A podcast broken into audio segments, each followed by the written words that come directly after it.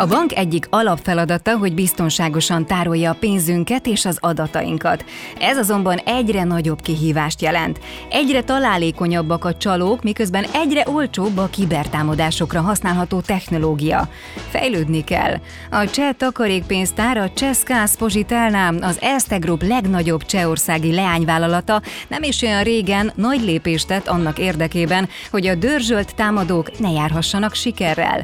Egy olyan IT rendszert fejlesztettek ki, amely valós időben aktívan monitorozza a tranzakciókat, azonnal kiszűrve, megjelölve a gyanús elemeket, így minimalizálva ezzel a hibakockázatot. Egy szoftverfejlesztő céggel, a Profinit segítségével a bank belső Data Lake környezeti részlege megtervezte a megfelelő adatarchitektúrát, amely magába foglalta egy új dedikált adatpiac létrehozását is.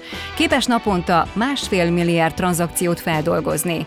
Az architektúra úgy készült, hogy tökéletesen megfeleljen a házon belüli analitikai részleg követelményeinek. Az alkalmazás magja Big Data technológiákon alapul, de minden számítás Spark SQL segítségével történik, ami könnyen érthetővé teszi az adatokat házon belül, akár a hitelkockázati vagy a csalásfelderítési osztály munkatársai számára. A cseh védekezési módszer egy a meg annyi közül, amivel el lehet hárítani a csalók támadását. Ami tény, hogy egyre komolyabb, feketeöves IT security szakemberekre és megoldásokra van szükség, hogy a felhasználók vagyona valóban biztonságban legyen.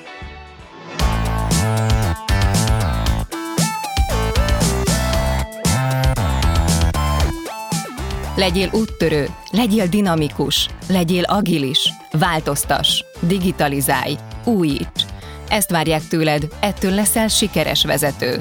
Mondani könnyű, megcsinálni nem annyira. Az Epic Stories podcastben olyan üzleti történeteket mesélünk el, amikből tanulhatsz, amik inspirálnak vagy egyszerűen csak szórakoztatóak.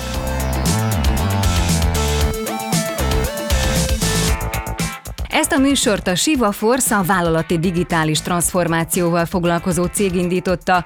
A cég a legnagyobb banki és telekommunikációs szereplők üzleti kihívásain edződött, itt pedig a magas szintű szakmai tartalomról gondoskodik.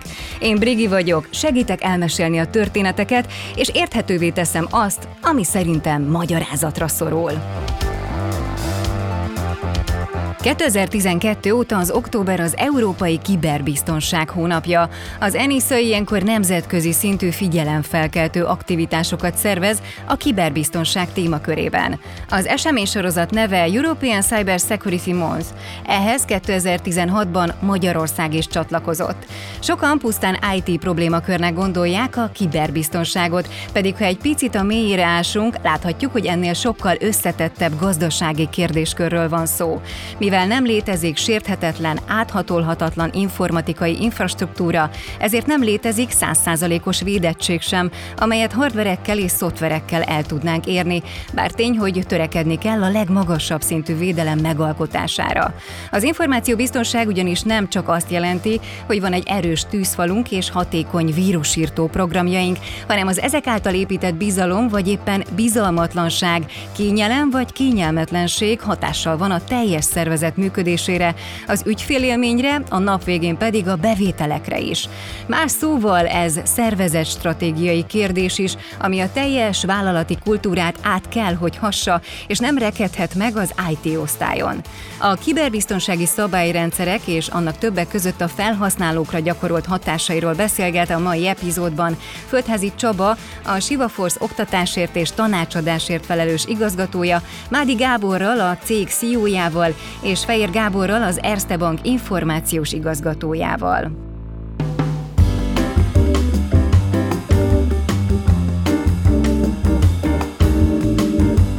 Egyre többször látjuk, és nyilván mi is érzékeljük a nagyvállalati szektorban, hogy a, a C-szintű, menedzsment szintű meetingekre az asztalra bekerül most már az IT biztonság kérdése. Nem csak úgy általában az IT titkos berkein belül beszélgetünk erről a kérdésről, hanem egyre több konferencián, egy nagyobb publicitással jelenik meg ez a téma, és, és bizony most már a legfelsőbb döntéshozók szembesülnek egy, egy ilyen ügyel, aminek vannak költségei, konzekvenciái, a hétköznapi életünkre elég nagy benyomást tudnak gyakorolni. És azt gondolom, és arról szeretnék ma veletek beszélni, hogy vajon ez az IT biztonsági helyzet, egyáltalán az a tény, hogy ez, ez ilyen magas szintre érkezett, hogy a nemzetközi szabályozások egyre szélesebb körben mhm. érintik ezt a területet. Ez inkább egy, egy kötöttség, egy szorítás, egy átok, vagy, vagy lehetőség a cégek, szervezetek számára, és hogyan birkózik meg az IT azzal, hogy valahogy ebbe az égbe beszorulva jót, gyorsan, de ugyanakkor biztonságosan szállítson. És ennek az égisz alatt először szeretném megbeszélni veletek azt a, azt a szabályozói hátteret, vagy azokat az új regulákat, amelyek, amelyek láthatólag megérkeznek, és most már talán a, a szélesebb fórum elé, és akár egy publikus újságból, Blikből is ez folyik, hogy DORA, NIS 2, GDPR-ot, azt, azt már elég alaposan gyakoroljuk. Hogyan néz ki a, a bank IT életében ezeknek a szabályozásoknak a, az elfogadása? Mennyi ideig tart az ezekkel való megbírkózás, és milyen erőforrásokat viszel ez tőletek? Szép komplex kérdés, hogy megyek szépen sorba. Tehát áldás vagy átok, én inkább azt mondom, adottság. Tehát, tehát a, ezek olyan dolgok, ezek olyan elírások, amelyekkel, amelyeket meg kell valósítanunk, mert, mert, mert egyszerűen meg kell valósítanunk. Részben azért, mert valóban egy szabályozó elvárás, de ennél talán sokkal fontosabb, hogy valóban, tehát aki akarjuk szolgálni az ügyfeleinket, és valóban stabilan, magas színvonalon szeretnénk ezt biztonságosan, akkor erre bizony költeni kell. Erre magunktól is költenénk, de úgy, hogy megmondják, hogy egyébként mit kell pontosan csinálni, az bizonyos szempontból egyszerűbb, tehát hiszen meg vagy kb. mi a feladat. Másik oldalról meg bonyolultabb, mert azért ritkán van az, hogy azt gondoljuk egy feladatról szabályozó oldalról és megvalósító oldalról.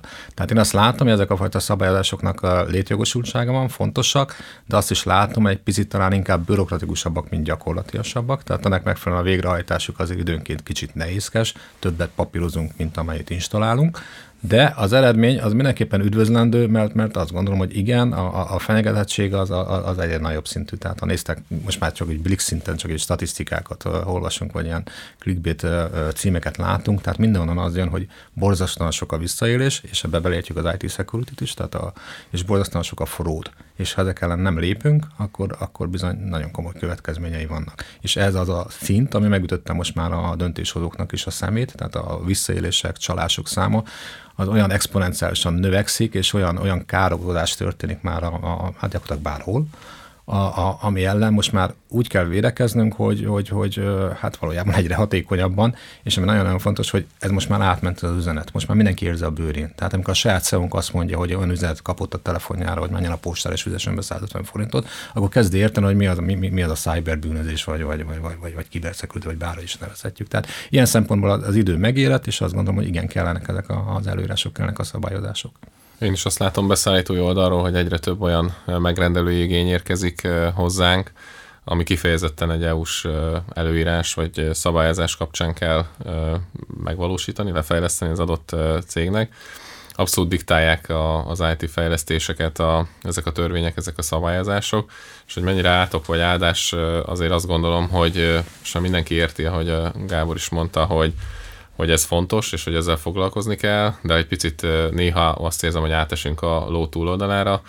Két példát uh-huh. hirtelen, ha belegondol az ember, hogy szeretne egy banki alkalmazásba belépni, akkor 22 féle jelszó, SMS, MFA, token, kulcs, mobilap, újra kell regisztrálni, lejárt a jelszavam, tehát egy, egy picit megnehezíti az, az emberek életét az egyik oldalon. Bocsánat, csak gyorsan, mert, mert és ne, nem is tudom, hogy láttatok az a legújabb MNB ajánlást, a Fraud ajánlását, ami most jelent meg nem olyan nagyon régen, ott a két, faktor, két faktoros autentikáció mellett úgy időnként nyomokban előkerül a harmadik faktor is. Tehát ha azt mondjuk, hogy eddig bonyolult volt belépni, akkor az ügyfelek érdekében lesznek olyan esetek, lesznek olyan minősített esetek, amikor ez még bonyolultabb lesz. Tehát amikor már valóban a védelem az korlátozza a használhatóságot. Beszéltünk erről a uh-huh. srácokkal is egyébként, hogy például a Google-nek a bejelentkezési felületét is olyan folyamatosan ugye beta tesztelik, meg AB uh-huh. tesztelik.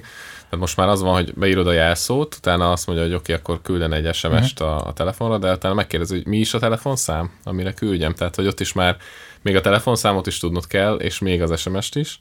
Visszatérve a, uh-huh. a mhm. másik példára, az pedig abszolút ez a GDPR, tehát szerintem az a, az EU-s szabályozás egyik leginkább félre sikerült megvalósítás, hogy az egészet nyilván az adatvédelem, meg az adatbiztonság miatt hozták, meg a személyes adatok tárolására, ezzel abszolút maximálisan egyetért mindenki szerintem.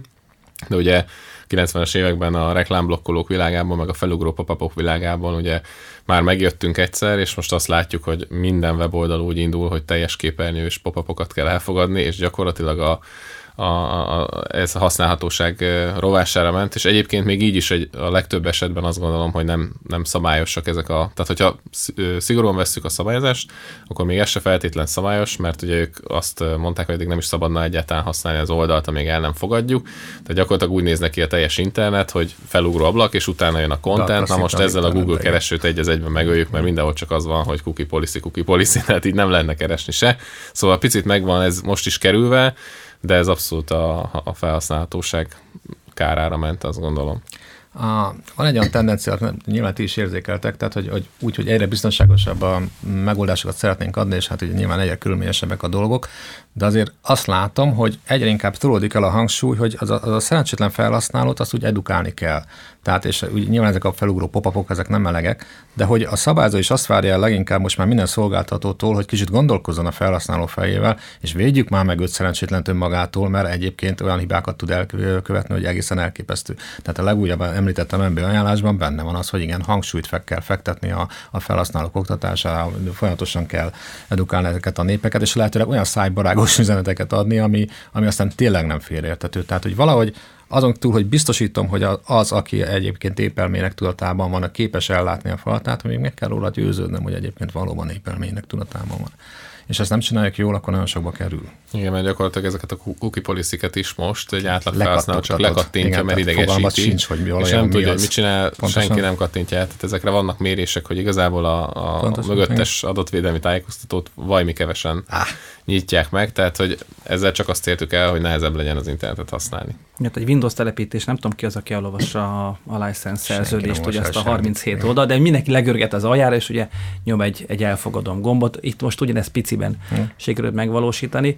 Ugye én azt, azt nem tudom, hogy ha ezeket a szabályozásokat mondjuk keretként tekintjük, és, és egy keretként nézzük, akkor ezek vajon mennyi rugalmasságot adnak? Adnak egyáltalán rugalmasságot, és ezzel lehet élni, vagy ezek, vagy ezek nem hogy rugalmasak, hanem inkább, inkább, inkább szűkítik a mozgásteret, és, és ellehetetlenítik a, a felhasználóval történő valós idejű, adatalapú, a felhasználó élményt, emelő interakciót, és akkor itt a három dolog szerintem megjelent, ugye? Igen, hát, igen, hát valójában ugye, amit eddig ragoztunk, az arról szólt, hogy ez inkább nehezíti a helyzetet. Tehát én azt látom, hogy a szabályozás az, az, az viszonylag kőbevésett. Tehát abban kevés rugalmasság van abban a tekintetben, hogy hogyan kívánjuk azt megvalósítani. Tehát nem egy keretrendszert adunk, nem egy szellemiséget kapunk, hanem hogy csináld meg azt, hogy és, uh, és akkor azt meg kell csinálni. És ilyenkor ugye mit csinálunk mi is a bankban? Hát gyakorlatilag megpróbáljuk kielégíteni a, a, a szabályzót a maximálisan, tehát azt az előírás maximálisan figyelembe véve, ami van, és pont azt megvalósítjuk, meg ott tudjuk, hogy abból nem lesz baj.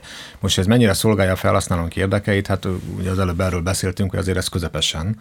Tehát a, ha ezt igazán jól szeretnénk megcsinálni, akkor nem feltétlenül így kéne, de mivel a bírságot igazából a, fel, a, a, a szabályzótól kapjuk, ezért inkább oda igyekszünk megfelelni azzal a minimális mozgástérrel, ami egyébként ezekben a rendszerekben van. Tehát mondjuk a csatorna nincsen definiálva, azt eldönthetjük, hogy most ilyen push üzenetekkel operálunk, vagy SMS-sel operálunk, vagy, vagy milyen módon akarjuk megszólítani az ügyfeleket, de, de valójában ezek a fajta a, a választási lehetőségek azért meglehetősen szűkek a szabályozói előírások esetén. Egy pillanatra közbeszólok. Ha valaki Gábor jól ismeri az IT-szektor legfontosabb adatvédelmi szabályrendszereit, ő ugyanis az Erste Bank vezető informatikai igazgatója. A BM-én végzett mérnökként, majd szoftverfejlesztőként dolgozott, több mint tíz éve tevékenykedik a bankszektorban. Először az FHB CEO-ja, majd vezérigazgató helyettese lett, 2017 óta pedig az Erste Bank csapatát erősíti. Egyik szakterülete a banki digitális transformáció. Számos konferencián vett részt előadóként, ahol a szektor legfontosabb IT üzleti és technológiai fejlesztési irányairól van szó. Másik oldalon meg ugye a felhasználók is be vannak szorítva elég erősen, mert lehet azt választani, hogy nem használsz, vagy nem fogadod el ezeket a szabályozói dolgokat, a cookie policy vagy egyéb adatvédelmi dokumentációt, viszont akkor a szolgáltatást sem fogod tudni használni. Tehát ma igazából, hogyha valakinek okos telefonja van, akkor róla úgyis mindent tudnak a big tech cégek, hogy éppen hol jár, mit csinál, milyen alkalmazást hogyan trekkel, és ugye ráadásul ezek a cégek nem is feltétlenül az EU, pláne nem a magyar jogszabályoknak kell, hogy megfeleljenek mindenképpen, és gyakorlatilag ebből az következik, hogy tényleg, hogyha ha nem szeretnénk, hogy az adatainkkal bárki tárolja, visszaéljen, akkor nem kell használni okostelefont, meg gépeket, csak ez meg picit szembe megy a technológiai fejlődéssel. Úgyhogy ezért gondolom azt, hogy a felhasználóknak sincs igazából sok hát a, választási lehetőség. Igen, ez, ez az egyik lehetőség, Gábor, mondta, hogy nem használunk ilyet, tehát ez is fájn, de én azt szoktam mondani a gyerekemnek, hogy úgy viselkedjetek, hogy ne legyetek zsarolhatóak. Soha. Te, tehát nem csinálunk olyat, ami, a, amire az ember nem büszke mm, később, mert, mert mindennek nyoma van. Ma már tényleg mindennek nyoma van, minden valahol felkerült, tehát elkerülendő ez a magatartás. Egyébként ez egy, valahol én érzek egy ellentétet, hogy egyik oldalon megjelent az a, az a félelem, vagy amit elmondtál, hogy egy, egy C-szintű vezető asztalán is ott van a mobiltelefon, és pittyek, hogy menjen be postára befizetni. Mm. Tehát érzi, hogy, hogy milyen fenyegetésnek van kitéve, és akkor ott vannak ezek a, a szabályozások, amik nyilván pontosan ennek a kivédésére szolgálnak. Mm. Ha ezek nem lennének, akkor egyébként azért elpattanna egy pillanat alatt a húr, és, és lehet, hogy, hogy nem mindenki állna ilyen szigorúan a regulák mögött, kinyitván az ajtót, és akkor nem napi egy ilyen SMS kapnék, hanem 34 ezeret, és nem tudnám hozzá a telefonomat. Most lehet, hogy nem jól értem a kérdést, de, de azért szeretném leszögezni, hogy attól függetlenül, hogy mit akar a szabályzó, attól mi azért teszünk intézkedéseket uh-huh. és, és fejlesztéseket azért, hogy védjük a, a felhasználóinkat minden módon, hiszen ez a elemi érdekünk. Tehát egy bank ugye egy, egyszer tudja elveszíteni a bizalmat, és azért utána a vége. Tehát nem azért fejlesztünk mi is a, a, a, akár kiberbiztonság területen, akár, akár fraud területen, mert, mert a szabályzó elvárja önünk, hanem egyszerűen azért, mert a prudens működéshez ez szükséges. Az, hogy a szabályzó ezt időnként megmondja, vagy akár még jobban megmondja, mint mi gondoljuk, hát az meg egy adottság, hát akkor azt is megcsináljuk persze. Arra, arra nagyon kíváncsi lennék, Gábor, hogy nálatok, uh, itt a Csaba is kérdezett uh-huh. már erre, hogy mennyiben korlátozza így az innovációt, meg a termékfejlesztést, uh, már abban a szempontból is, hogy a kapacitásotok jelentős része például nem ezzel tud foglalkozni, hanem szabályozói uh-huh. dolgoknak a kielégítésével. De hogy egy példát is konkrétan mondjak, hogy a telekommunikációs szektorban is pár éve nagyon nagy, nagyot ment ez az omnichannel értékesítés, data-driven marketing, stb., ami ugye arra szolgálna, tehát most egy picit, uh-huh. hogyha a vállalatok oldalára átülünk, hogy ők minél célzottabb, uh-huh. minél jobb termékajánlatot adjanak, minél nagyobb profitot generáljanak valójában, de ugye ezek, ezek a szabályozói intézkedések ezt nem teszik lehetővé. Uh-huh. Tehát, hogy nálatok van-e ilyen tapasztalat? Mielőtt Gábor válaszolna erre a kérdésre, gyorsan elmagyarázom, mi is ez az Omnichannel marketing értékesítés. Az utóbbi években egyre több szervezet jutott el arra a pontra, hogy újra kell gondolnia a teljes marketing stratégiáját, hiszen a felhasználók nincsenek tekintettel a vállalatok belső szervezeti struktúrájára. Az Omnichannel marketing lényege, hogy a fogyasztó szabadon megkezdheti egyik csatornán a vásárlási folyamatot, és befejezheti egy másikon. Mindenhol ugyanaz az információ információ elérhető, minden funkció csatorna független, létrehozva egy nagyobb átfogó képet, összekötve a digitális felületeket a fizikai üzletekkel például. Na de vissza is adom a szót Gábornak. Két dolgot mondanék. Az egyik az, hogy én azt gondolom a projektjeinek a száma, olyan, olyan 30-40 százalékban az, az valami regulatóri dolog. Tehát, tehát azt azért kell csinálnunk, mert, mert, mert valaki elvárja. Európából, Nemzeti Bankból, bárhonnan, tehát hogy, hogy valahogy van. Plusz jön még persze, amit az ember a grup miatt csinál, tehát hogyha egy hálózatban van, és akkor ehhez képest igazából, amit csak azért csinálunk, mert azt gondoljuk, hogy jó, mert az ügyfeleinek a, a, a érdekét szolgálja, az a projektjeink kevesebb, mint fele. A, a másik kérdés meg, hogy ez mennyire köt meg minket, hát eléggé. Tehát, tehát ugye szokásos felhozni ezt a, a fintek fenyegetettséget, tehát a, a, az a szabályozás, ami a fintek írára nem érvényes és ránk érvényes, az, az nyilvánvalóan egy nagy verseny. Nyilván mindenki használ Revolutot, tehát a pikpak beregisztrálsz, azonnal tudsz egy számlát csinálni, azon tudsz fizetni, bármilyen ilyen, ilyen hát úgy szoktuk mondani mert a cégnél, hogy egy, egy egyetemista egy, éjszaka alatt lefejleszti két gombóc fagyért, tehát ilyen megoldások tele vannak az Apple Store-ok.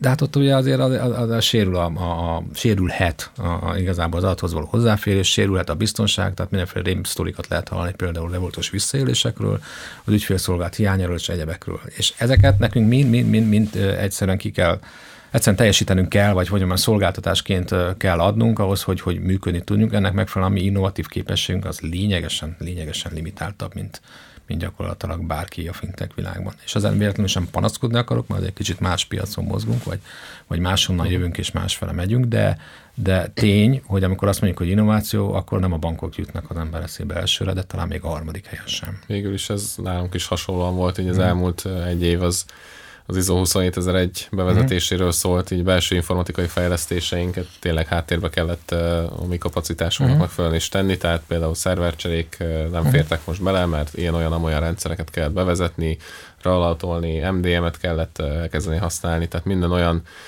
monitorozó, meg, meg felügyeleti alkalmazás bevezetéséről szólt ez az év nálunk is, ami egyébként azért kell, hogy a bankoknak és az egyéb nagy vállalatoknak tudjunk megfelelő minőségben is szállítani, és ugye most már nem csak az van, hogy egy banknak kell megfelelni ilyen típusú elvárásoknak, hanem az ő beszállítóinak is.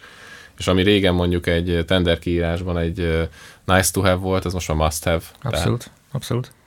De hát ha visszagondolunk a közös projektünkre, és hogy amikor a Girát kitettük a felelőbe, tehát volt a, a banki alkalmazás egy, egy komoly múltal, komoly felhasználói körrel, ezt a megoldást felhősítettük, többek között azért egyébként legalábbis a mi oldalunkra, a bank oldaláról, hogy, hogy felhős tapasztalatot gyűjtsünk, nézzük meg, hogy milyen az, amikor egyébként ezt kitesszük, milyen egy ilyen migráció, hogyan fog a jövőben működni. Nem a technikai kérdések tartottak sokáig, hanem, hanem igazából a szabályozói megfelelés. Tehát amíg azt a dokumentációt lejártottuk, azokat a risk assessmenteket megcsináltuk, azokra megfelelő válaszaink voltak, megfelelő ellentézkedéseink, Hát utólag én azt gondolom, hogy azt némileg alulbecsültük azt a feladatot, ahhoz képest, ami egyébként a feladat lett volna simán műszaki oldalról. Ugye ez magával hordozta, ha jól sejtem, azok, tehát akár új pozíciók vagy új szerepkörök Igen, megjelenését abszolút. is. Tehát ugye nem Igen. csak arról van szó, hogy technológiailag egy, egy más platformra kell valamit implementálni, hanem, hanem az ahhoz szükséges akár security, IT biztonsági mm-hmm. kérdésekre másfajta válaszok adhatók, és ez a, a megjelentek, amennyire én is nem, DevOps, DevSecOps, és mm-hmm.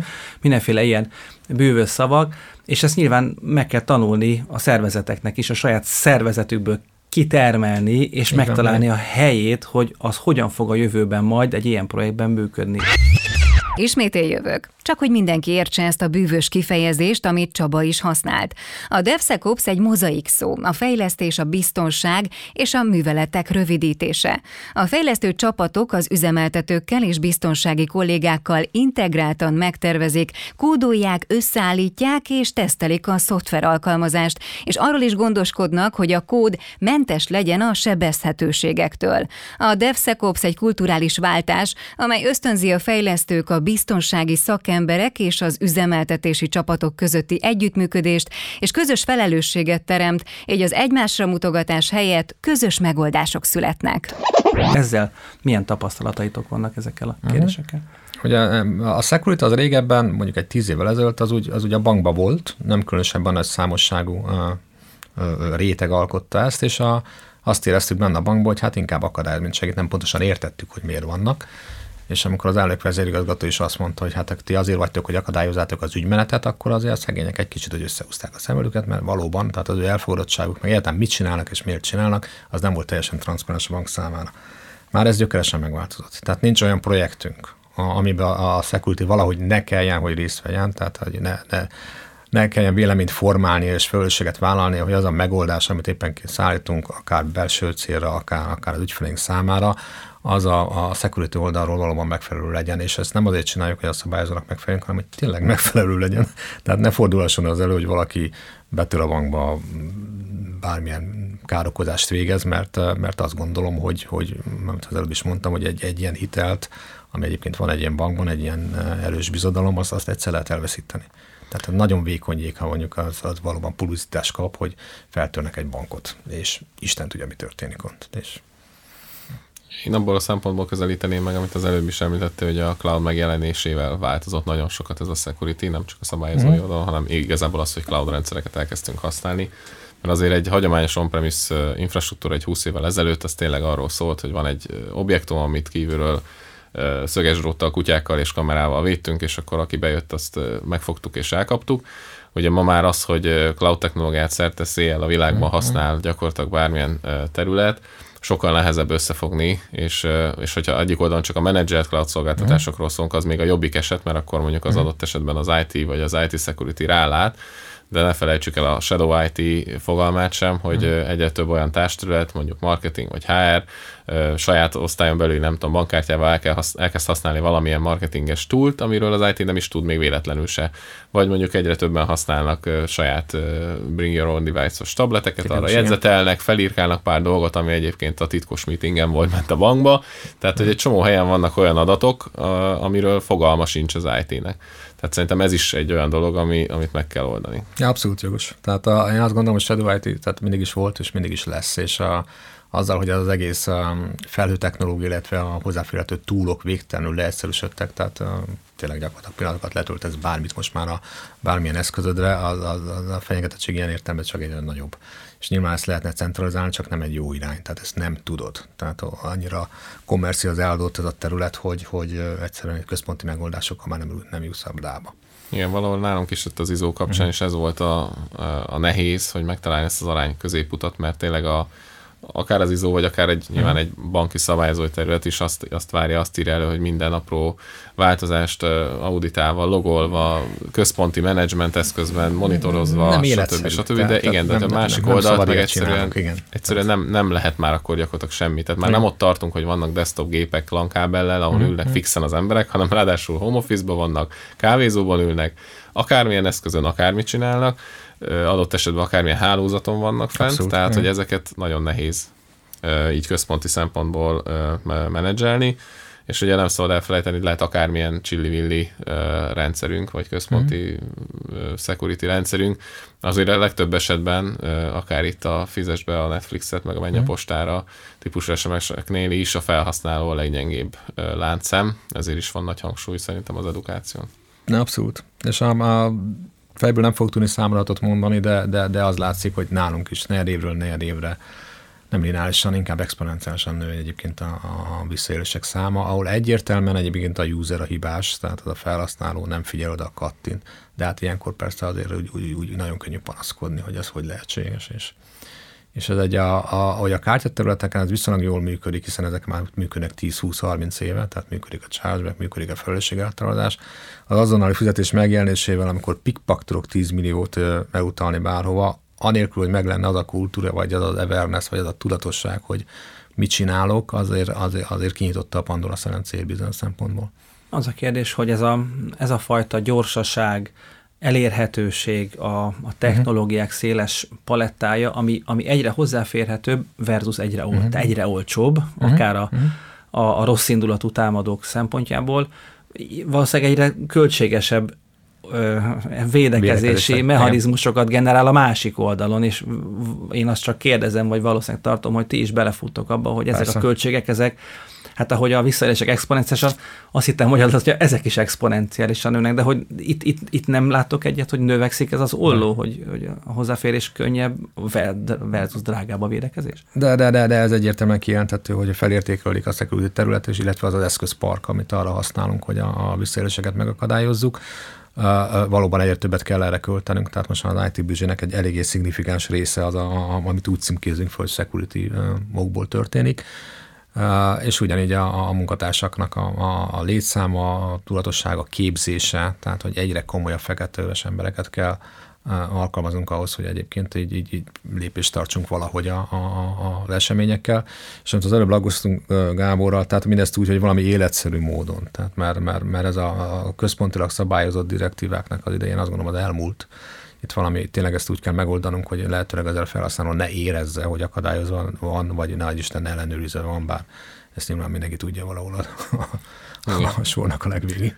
Ez együtt azt látom, hogy az a az a felhasználói magatartás élmény, hogy én elkezdek egy, egy műveletet, teljesen mindegy, hogy most bankit, vagy, vagy egy vásárolok valamit, ezt, azt valahol abba hagyom a telefonomon, aztán utána megnyitom a számítógépemen kapott e-mailt, rákattintok a, uh-huh. a folytatásra, majd a végén elmegyek egy csomagautomatához, vagy bemegyek a bankfiókba, tehát hogy egy ilyen teljes körű műveleti egységet képes vagyok megcsinálni, azért mégiscsak azért van ez, mert kinyíltak ajtók, amelyek korábban nem léteztek, vagy, vagy technológiailag sem tudtuk megoldani, és azért, hogyha ezt itt tovább nyitjuk ezt az ajtót, akkor azért mindenki vérszemet kaphat jó értelemben, hogy hát akkor, akkor mi van még ebben a, ebben a szelencében, mert ugyan kinyitottuk, és akkor nézzünk is bele, sikeres klódos projektet említettél, nem várható, hogy akkor megindul egy ilyen, egy ilyen exponenciális hajrá, gyerünk a, a Cloud irányába, és mindent tereljünk oda, mert akkor még nagyobb lehetőségeink rejlenek azért még a szabályozói keretek mentén is?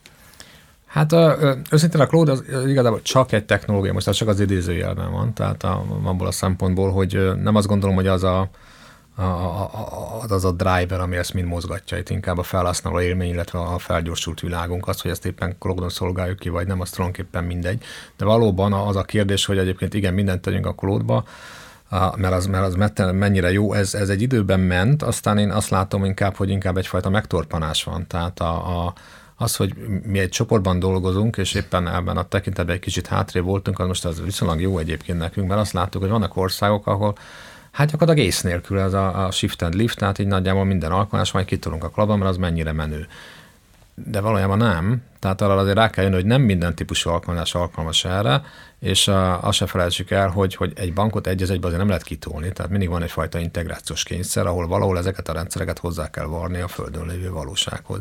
És az, hogyha ezt hogyan csináljuk, és, és miként és milyen rendszerek esetében, az nem egy magát értetődő kérdés. Tehát én azt látom, hogy a, igen, volt egy ilyen felelő stratégia, akkor mindent kitolunk, és most van egy pici megtorpanás, és egy pici újragondolás a dolognak, hogy tényleg mindent ki kellett tolnunk, vagy egyáltalán mik azok a típusú alkalmazások, amit érdemes kitolni, és mi az, aminek esetleg nincs ott a helye, és a kettőnek hol van a, a viszonya, és hogyan működnek együtt. E, ezeken való gondolkodás folyik egyébként nálunk a bankban is. Tehát a, igen, teszünk ki kimondottan alkalmazásokat, ezek egy részét kimondottan azért tesszük, hogy kísérletezzünk, hogy, hogy, hogy, hogy tapasztalatot gyűjtsünk, és a, mi évvégéig fogunk eljutni oda, hogy lesz egy olyan roadmapünk, hogy egyáltalán az egész felhő stratégiában milyen típusú alkalmazásokat, milyen ütemezés mentén és miért akarunk kirakni egyébként oda. Tehát mi, mi is látjuk azokat a trendeket, hogy egyre több cég indul meg a cloud irányába, de azt gondolom, hogy az arany középút itt is a jó, tehát ez a hibrid megoldás, hogy nem mindent, mert nem mindenre való, nem uh-huh. feltétlenül gazdaságos mindent kirakni, főleg a lift and shift típusú megoldásoknál, amikor egy az egybe ugyanazt a betonkockát kirakjuk kétszer annyira felhőben, annak semmi értelme nincsen, erről már nagyon sokat beszéltünk korábban hanem tényleg amikor egy gyors, rapid megjelenés, egy gyors skálázható fel és le is skálázható rendszerről van szó, vagy olyan technológiára van szükségünk, amit már csak felhőben érhetőek el, és sokkal olcsóbban, mint ha magunk fejlesztenénk ki mondjuk egy képfelismerő algoritmusra, akkor abszolút helye van ennek egyre több helyen látjuk azt, hogy próbálnak multi-cloud irányban is nézelődni, ugyanis hogy azzal, hogy egy felszolgáltatót választunk, azzal ugyanúgy egy vendorlok helyzetet ö, ö, alakítunk ki gyakorlatilag. Próbálkoznak azzal a vállal, nagy, főleg nagy váltók nyilván, mert ez, ehhez azért kell egy tőke, hogy egyszerre több kell helyen. méret, igen. Persze, mind a három nagyjal minimum, igen. Igen, ki tudjuk alakítani de hogy, de hogy ez is egy másik ilyen irány. Ettől függetlenül sok helyen az a tapasztalatunk, hogy a cloudra egyébként úgy tekintenek, mint hogyha egy, mondjuk egy banknak van két-három földi adatközpont, akkor egy negyedik adatközpont mondjuk a, a felhő, és ugyanúgy tekintenek rá, mint hogyha egy, egy ilyen adatközpont lenne, ennek minden szépségével és hátrányával, mert egyik oldalon ugye így ráesnek azok a szabályozási dolgok, tűzfal, meg minden egyéb, ami mintha földi lenne, másik oldalon meg nyilván kinyílnak olyan lehetőségek, amik amik így megjelennek a felhő technológiának köszönhetően. Várható, hogy ez mondjuk iparági szinten egy ilyen standardizálás irányába mozdul el? Tehát mindenki kitalálja, mint hogy mondtad, a bankkártyás uh-huh, utalásodnak megvan már a jó bevált 20-30 éve uh-huh. működő gyakorlat a standardjai. Ugye vélelmezem, hogy a klódnak még azért nincs, mindenki kísérletezik, uh-huh. de hogy vannak ilyen jellegű terendek, amik az iparág közös képviselője által mondjuk egy, egy, egy közösen megfogalmazott standard felé mutatnak? Léteznek? Inkább úgy mondanám, hogy vannak olyan minták, amelyek, amelyek azért úgy, úgy, úgy láthatóak ebben az iparágban is, tehát hogy nem, nem szabványok, vagy nem standardizáltak, vagy, vagy nem feltétlenül egy tudatos döntés eredménye, ahol a bankok azt kitalálták volna együtt mondjuk, hogy mit érdemes csinálni, vagy mit nem, de, de azért láthatóan azért a nagyon nagy csodák nincsenek, tehát előbb-utóbb, aki ezt tudatosan csinál, az körülbelül ugyanarra az eredményre jut, különösen akkor, hogyha nézed a többieket, és rájössz, hogy tehát ők nem csináltak annyira rosszul, és akkor te is kb. Ha nem, a kockázat körül a magatartás folytatsz, akkor egyszerűen csak annyit csinálsz, hogy lemásolod a legjobb gyakorlatot, és akkor már tulajdonképpen, már tulajdonképpen minden úgy működik, ahogy a, szinte már szabványosított. Szóval én szerintem itt tartunk valahol, hogy, hogy, hogy látszik, hogy milyen jellegű alkalmazásokat lehet kitenni, de azért azt még nem mondanám, hogy ez így, így, így teljesen lefutott, vagy teljesen eldőlt.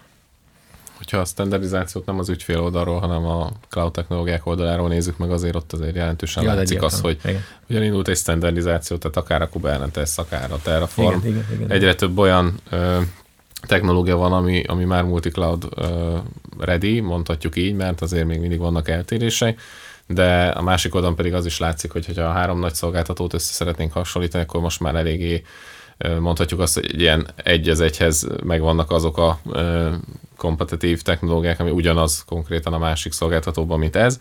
Hát függetlenül nyilván nem lehet úgy használni, mint hogy egy négy fájt átmások egyik gépről a másikra, hanem adott esetben át kell írni alkalmazásokat, mert elég erősen felhő az adott felhőnek uh-huh. specifikus funkcióit használja.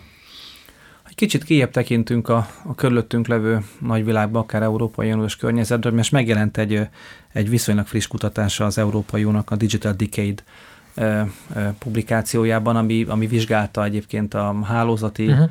képességeket, és vizsgálta a szervezeteknek, vállalkozásoknak a digitális képességeit és hát azért elég nagy ívű vagy nagyvonalú célokat tűztek ki, hogy, hogy hova jussunk el a következő néhány évben, az uniós vállalkozások legalább 75%-a rendelkezzen valamilyen cloud alapú megoldással, és, és a KKV 90%-a érjen egy bizonyos digitalizációs alap működési szintet. Hát most Magyarország azért még ezen nem áll élen 52-71 vagy 21 az mhm. arány, tehát a, a 75-90-hez képest. Vajon azok a tényezők, ez a bizonyos biztonsági aggályok, ezek, ezek hogyan fogják befolyásolni ennek az elérését? Éppen, hogy segítik, mert biztonságban érezzük magunkat, és merünk rátelepedni ezekre a rendszerekre, vagy, vagy, vagy hátráltatják, mert, mert nagyon beruházás igényes lesz, vagy valami harmadik út várható?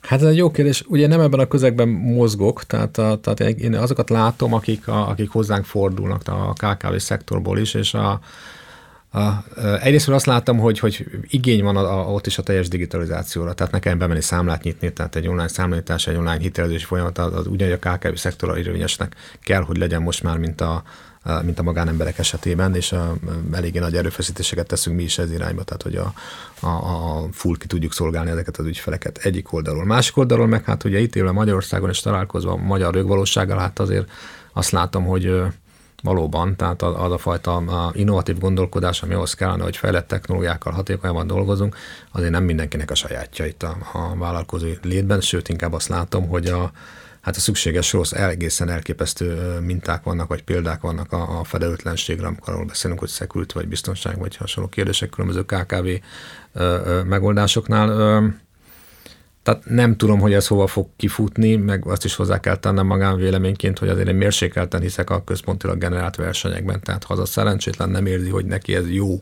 ettől neki több lesz a bevétele, nagyobb lesz a profitja, biztonságosabban működik, meg mondjuk már kétszer elvesztette a szerverei tartalmát, akkor persze bármit előírhatunk számára, nem fogja csinálni. Tehát valahol ez az kéne, hogy a, a, a saját bőrén érzékelje ennek az előnyeit. És ezt szinte nem tudom, ez hogyan lehet ügyesen csinálni. Azért végfelhasználói szinten látszik az az igény, hogy, hogy már a legkisebb vállalkozásoktól is elvárják a digitális szolgáltatásoknak a biztosítását, és ebbe az irányba mutat minden, tehát itt azt gondolom, hogy aki lemarad, az kimarad a, a nap végén.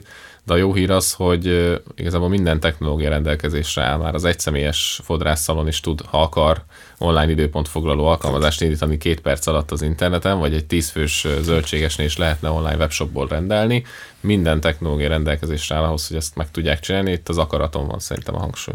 Záró gondolatként azért mm azt, azt megkérdezném, ugye ti is csináltatok felhőprojekteket, és, és láthatok ennek a, a, a sikereit, meg nyilván a, a nehézségeit.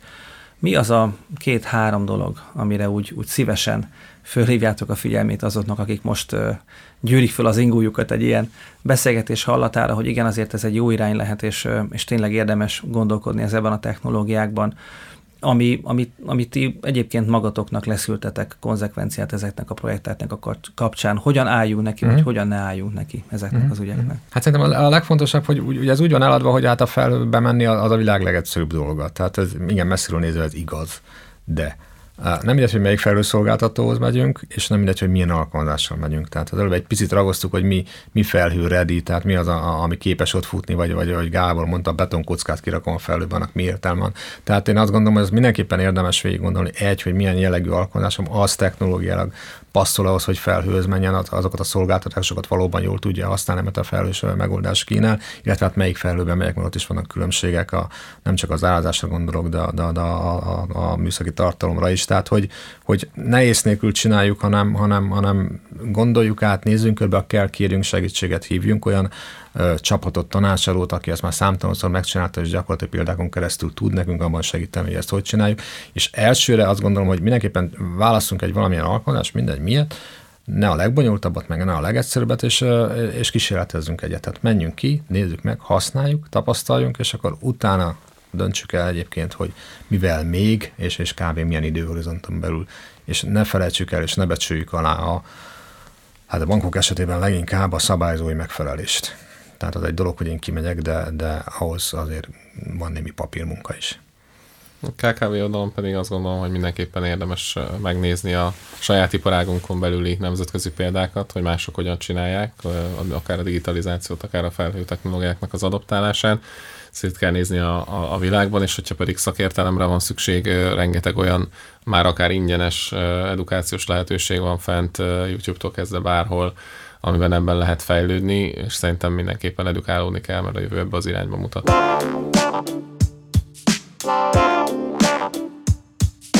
Sokszor előkerült már az Epic Stories történeteiben, hogy a változás egyszerűen elkerülhetetlen. Olyan mértékben fejlődik a technológia, és ezzel párhuzamosan olyan mértékben nő a cégekre, illetve a felhasználókra leselkedő digitális veszély lehetősége, hogy muszáj hatékony biztonságtechnikával rendelkeznie a vállalatoknak, ha nem akarnak egy olyan PR katasztrófát a nyakukba, amiben a hírportálok öles szalagcímekkel hirdetik, hogy feltörték a banki rendszert. Egy esetleges PR katasztrófa katasztrófánál is nagyobb azonban az ügyfelekre gyakorolt hatás, amit egyszerűen nem engedhetnek meg maguknak a vállalatok. Érdemes tehát integrálni a szervezet stratégia alapjaiba a biztonságtechnikai kérdéseket, a céges kultúra konkrét részévé tenni az innováció mellett, és keresni az arany középutat, ami garantálja a biztonságot, de a felhasználói élményből nem veszel.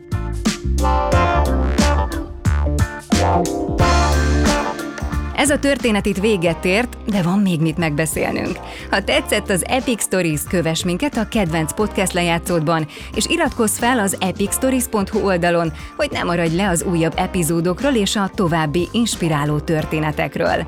Ha van egy tanulságos üzleti történeted, amit megosztanál velünk, küld el az epic.sivaforce.com címre. Az Epic Stories tartalmi koncepcióját Dojcsák Dániel készítette, a műsor szerkesztője Gerencsér Anna, a zenei és utómunka szerkesztő Kozma Ádám, a showrunner Orsos Lajos, a kreatív producer Román Balázs, a producer pedig Hampuch Rihárd. Ordasi Brigittát és az Epic Stories-t hallottátok. Beaton